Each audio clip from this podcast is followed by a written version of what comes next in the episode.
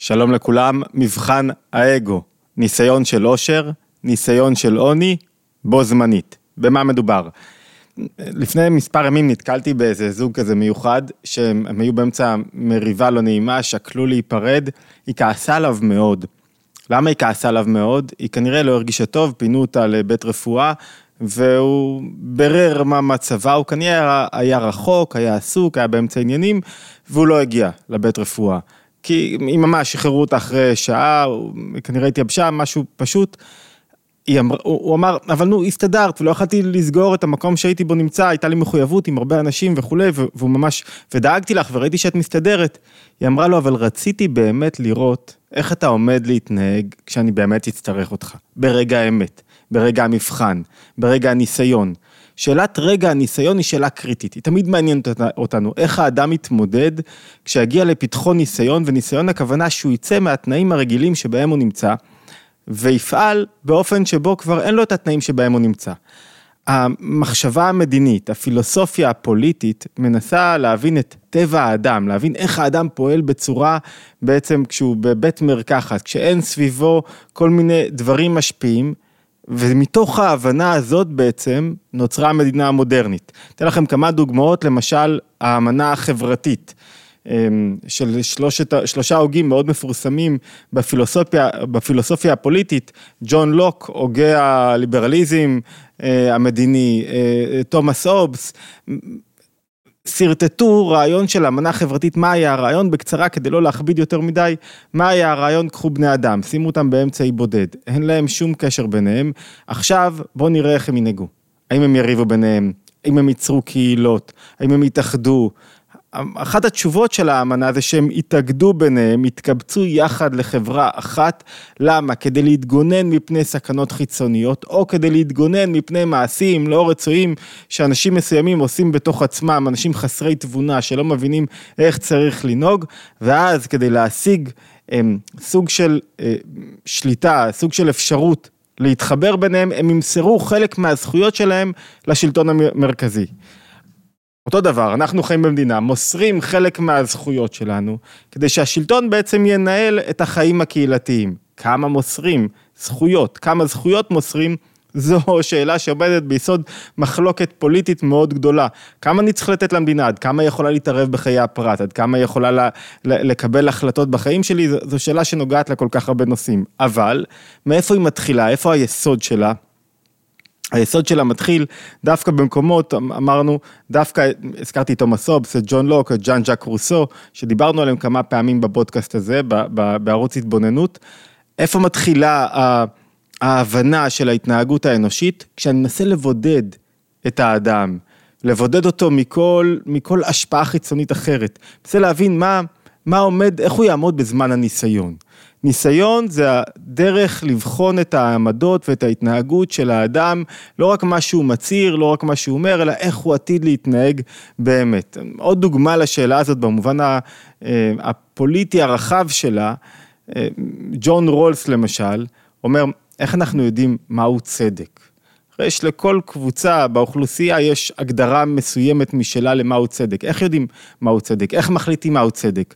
אז הוא גם עשה תרגיל מחשבתי, דומה לזה של הוגי האמנה החברתית, והתרגיל המחשבתי היה, אמר ככה, אנשים נמצאים במצב התחלתי. מצב התחלתי זה מצב היפותטי שקבוצה של אנשים נמצאים יחד, אלא מה? הם מאחורי מסך בערות. מה זה מסך בערות? הם לא יודעים. מי הם, אני לא יודע אם אני שחור או לבן, אני לא יודע אם אני בן למשפחה עשירה או בן למשפחה ענייה, אני לא יודע אם אני אימיגרנט, אם אני מהגר או אם אני מקומי, אני, אני לא יודע, יש לי איזה כאילו blackout, לא יודע מי אני, מה אני, מה הזהות שלי. עכשיו, מתוך אי הידיעה, מתוך מסך הבערות, בואו נקבל החלטות. בואו נקבל החלטות, אה, מהו צדק, איך מחלקים משאבים בחברה, איך נותנים לאנשים שונים משאבים שונים, האם צריך לתת את רמת הגולן ליישובי, למושב אחד ברמת הגולן, את יישובי הכנרת למקומות, שאלות, בואו נראה, נסיר אינטרסים, נהיה מאחורי מסך הבערות, ואז נראה מה התשובות הנכונות. אחרי שעברנו איזה מסלול במדע המדינה, בואו ניכנס רגע לעולם, למחשבה היהודית. היהדות, ובייחוד פרשת השבוע, אנחנו בתוך פסיכולוגיה בפרשה, פרשת עקב, עושה ניסוי שכזה משלה. היא רוצה להבין איך, לא, לא למה אנחנו מתאגדים כבני אדם, אלא איך נפעל במצבים שונים. והיא מצבה שני מצבים שבהם היא רוצה לדעת איך נפעל. מצב אחד הוא מצב של עוני. מה שמעניין את היהדות מאוד היא, הוא האגו שלי, הישות שלי. מתי האגו עומד להשתלט עליי? איך אני אפעל מתוך האגו? מה זה אומר אגו? אגו זה מונח פרוידיאני, ביהדות זה כמובן ישות, יש, עם מובנים שונים.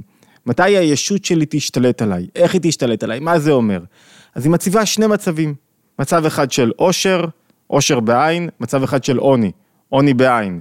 זאת אומרת, היא מציבה את האדם בשני מצבים שונים, מצב של עושר, מצב של עושי ועוני, ואומרת בוא נבדוק איך אתה עומד להתמודד כשיש לך כסף.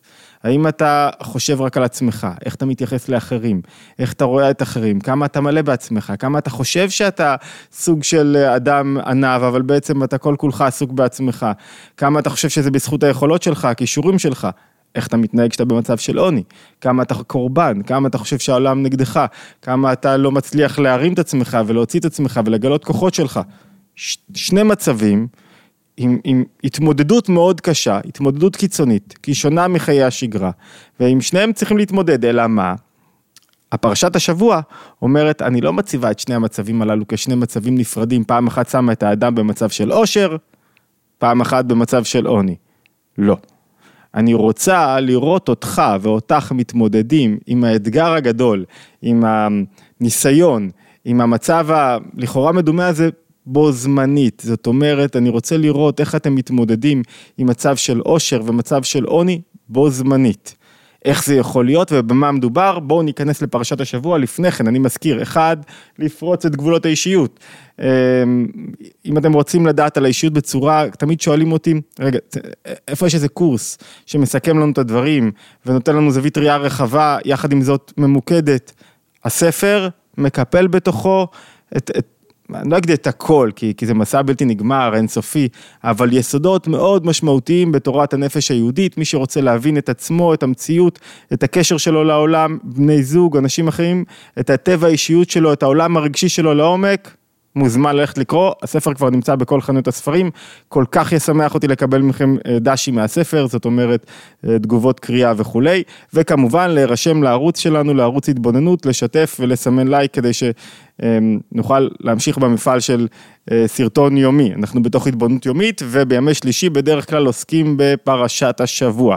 זהו, גמרנו עם ההפסקה המתודית, יש עוד דבר אחד, אפשר גם לקבל עדכון על פעילות ועל לימוד משותף שיתחיל מעוד שבועיים, אני חושב בימי ראשון, לקבל עדכון בוואטסאפים, הלינק לוואטסאפ למטה למעלה, תצטרפו אלינו לקבוצות הוואטסאפ. אוקיי. טוב, אני רוצה להכניס אתכם לפרשה, ספר דברים, פרשת עקב, להבין איך יכול להיות ניסיון של עושר, ניסיון של עוני בו זמנית, מה הוא אומר, מה מצפים מאיתנו.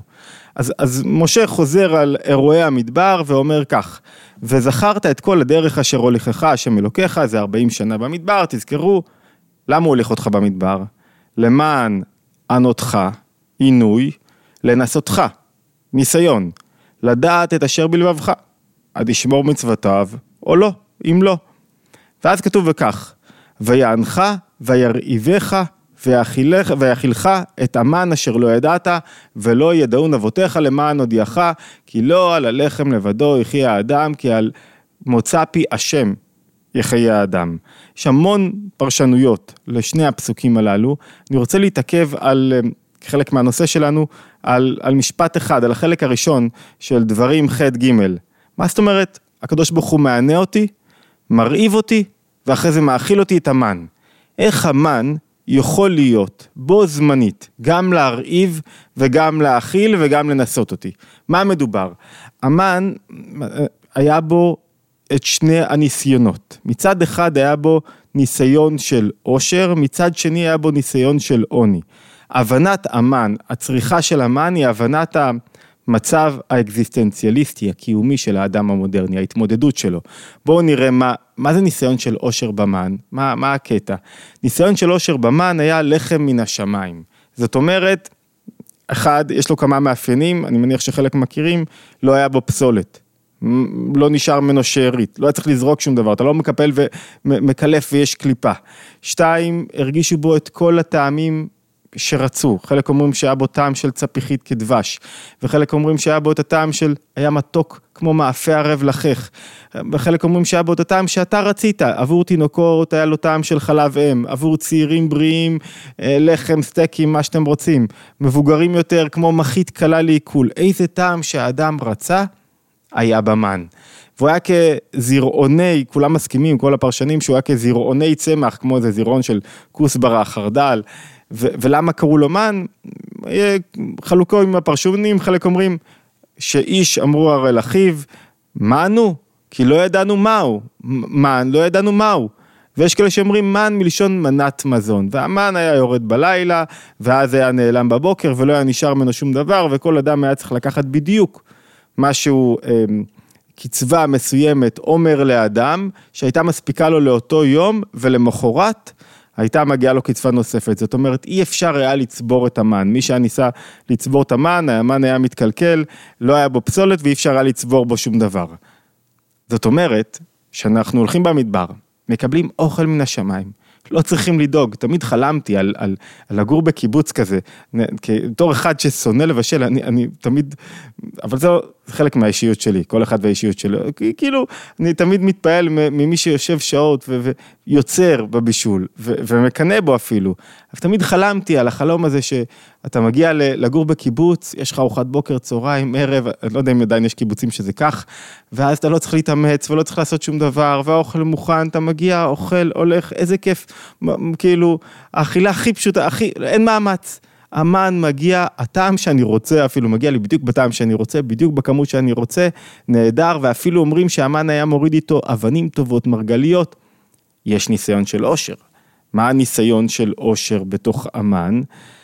כשאתה מקבל משהו כמובן מאליו, אתה מתחיל לשאול את עצמך, רגע, מובן מאליו שקיבלתי, מגיע לי, זה בזכות היכולות שלי, בזכות הכישורים שלי, בזכות האיכויות שלי, זה אני. זוכרים? מבחן האגו, מבחן הישות, אני שוכח שאני מקבל משהו במתנה, מתנת חינם, אני בטח שוכח להודות. מבחן של אושר הוא מבחן לישות שלי. האם אני עומד במבחן הזה? ואושר הוא לא רק בכסף, אושר הוא גם בהשפעה, פתאום אדם שהוא משפיע קצת, הולך לו, יש לו איזה בלוג טוב, פתאום מתפוצץ מישות, אני ואני, לא רואה אף אחד אחר. בזמן מבחן, הוא בזמן ניסיון. הוא לא שם לב, בזמן ניסיון. זוכר שכשהייתי בכנסת לפני, אני יודע כבר, וואו, איך התבגרנו, הזמן רץ. בגיל אה, לפני 20 שנה אז בחרו איזה, הייתי עוזר פרלמנטרי או, או יועץ, דובר של יו"ר הקואליציה ובחרו אה, קבוצה של אה, עוזרים פרלמנטריים כאלה ואחרים מהכנסת ושלחו אותנו למשלחת לארצות הברית, לראות הקהילות בארצות הברית, הקהילות הרפורמיות, הקונסרבטיביות, את ה-AJC, אני לא זוכר בדיוק מה זה היה, לקחו אותנו לשמונה, עשרה ימים, תחשבו, לפני, ב-2001, וואו. איזה, איזה, איזה לקחת קבוצה של חבר'ה צעירים, אז היה פחות אולי זמין מהיום הטיסות, ואני זוכר שהיינו חבר'ה, כולם היו עוזרי אה, שרים, ח"כים כאלה, וכולנו באנו עם כזה קצת ככה, מה, מגיע לנו, רגע, לוקחים אתכם, מטיסים אתכם, כולם היו, לא, זה לא מתאים לנו עכשיו, כאילו עם איזה תנועה של הפך הענווה, אה, קצת כפיות טובה, קצת מגיע לי, כי בחרו בי. זאת אומרת, אם בחרו בי, אז אני יכול להרים טיפה את האף שלי. ניסיון של אושר, הוא ניסיון איך אני מתמודד עם הישות שלי. האם אני נותן לה להשתלט עליי? האם היא הופכת להיות כל כך דומיננטית בהוויה שלי, בחיים שלי, לשלוט בי? אם אני, אני, אין לי ניסיון כזה של עושר, אין כוחי ועוצם ידי לאדם עני. יש כוחי ועוד עצם ידי לאדם שהוא עשיר, אדם שהוא מצליח, אדם שיש לו איזה הישג מסוים בחיים. וכגודל ההישגים, גודל הניסיון. אתה חושב שהתוצאות והניסיון הוא העיקר? לא, האמת הוא הניסיון לעמוד. איך אני, איך אני תופס את זה כשכל יום בבוקר אני מקבל מן מן השמיים. אני קיבוצניק שמרגיש שהכל מגיע לי, והכל, טוב, אני לא רומז לשום דבר, שלא יעלבו הקיבוצניקים שלנו. אבל אני מניח שאם הם 1% מהאוכלוסייה, אז אולי גם כאן הם 1%, אל תעלבו, אבל אם אני מרגיש שהכל מגיע לי, או שאף פעם שום דבר לא מגיע לי ולא נותן לישות להשתלט עליי. ניסיון של עושר. אז מה היה ניסיון של עוני במן? למה היה במן גם ניסיון של עוני? אני רוצה להזכיר לכם שבני ישראל מגיעים למשה רבנו והם אומרים לו, אנחנו מתגעגעים לקישואים, לאבטיחים, לחציר, לבצלים, לשומים, מי מתגעגע לבצל? נו, לשום. לא, אפשר. זאת אומרת, הם, למה שהם היו מתגעגעים לטעמים הללו, אם הם היו יכולים לקבל במן את הטעם, כל טעם שהם רצו. כל טעם בעולם יכלו לקבל במן. אז, אז למה הם מתגעגעים לטעמים מסוימים? מה הנקודה? היה במן עוד משהו מאוד מיוחד, שהוא הניסיון של עוני. זוכרים ניסיון של עושר וניסיון של עוני בו זמנית.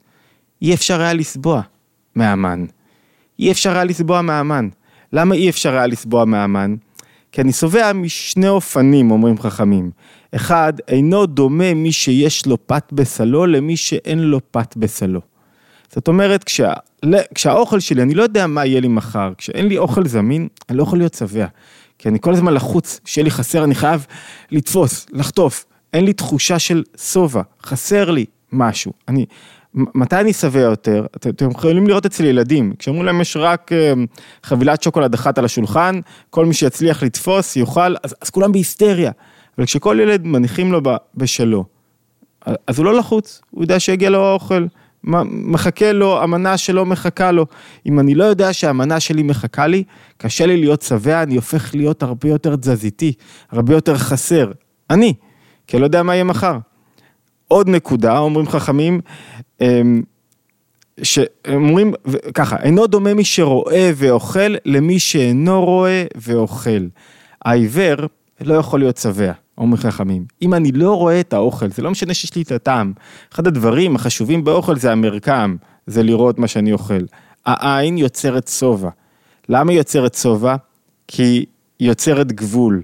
הגבול הופך את הדבר לשלי. העניות נוצרת ממקום כזה שבעצם המן לא שלי. אין לי שום החזקה בו, כל מה שיש לאדם, אני, אני יכול לתפוס אותו, יש, לו, יש לי איזה שייכות אליו באיזשהו אופן מסוים. אני, אני כדי ליהנות ממשהו, כדי להרגיש עשיר, אני חייב להרגיש בעלים של הדבר, שהדבר שלי. אני, אין לו שום דבר שלו. והמן לא היה של עם ישראל בשום שלב, בשום שלב. זאת אומרת, אני לא יודע מה יהיה מחר.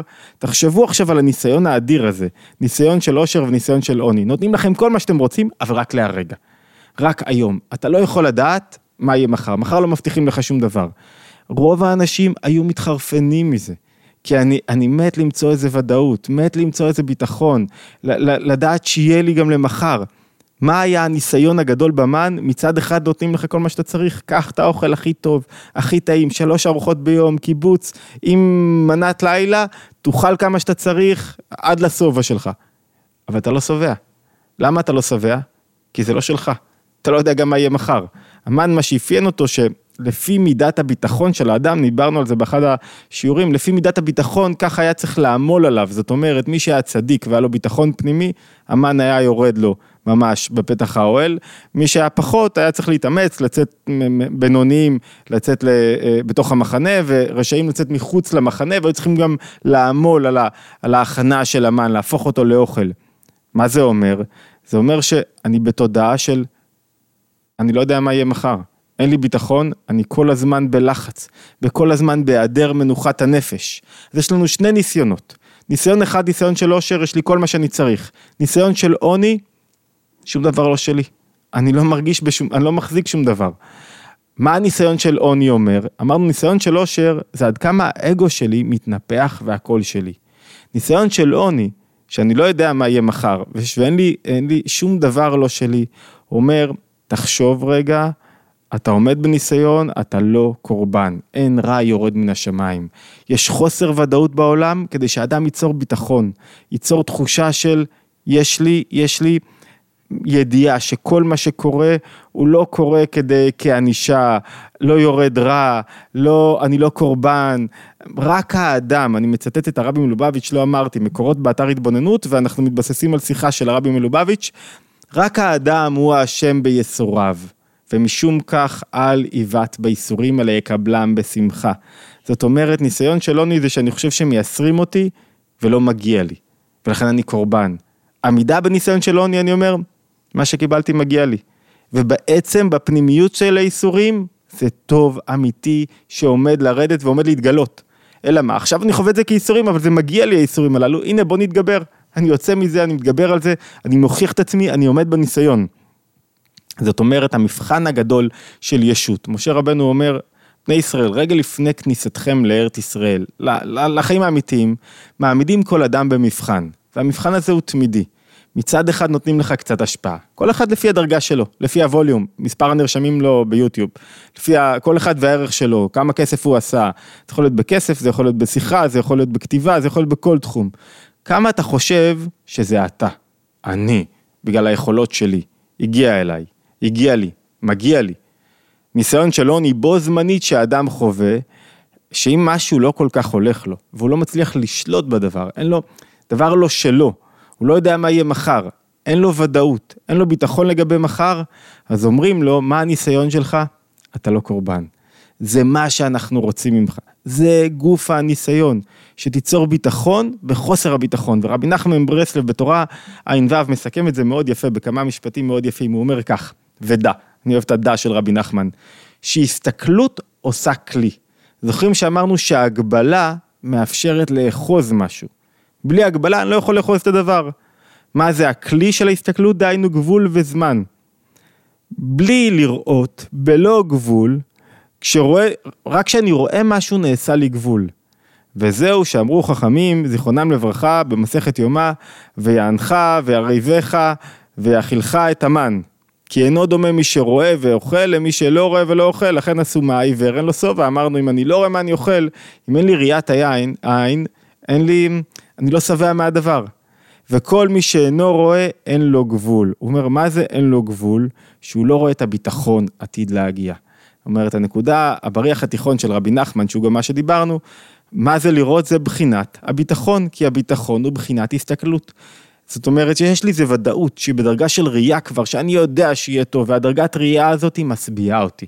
יוצרת לי תודעה של המציאות, אני, אני בטוח שהולך להיות טוב, למרות שאני לא שולט בה, למרות שהיא לא שלי.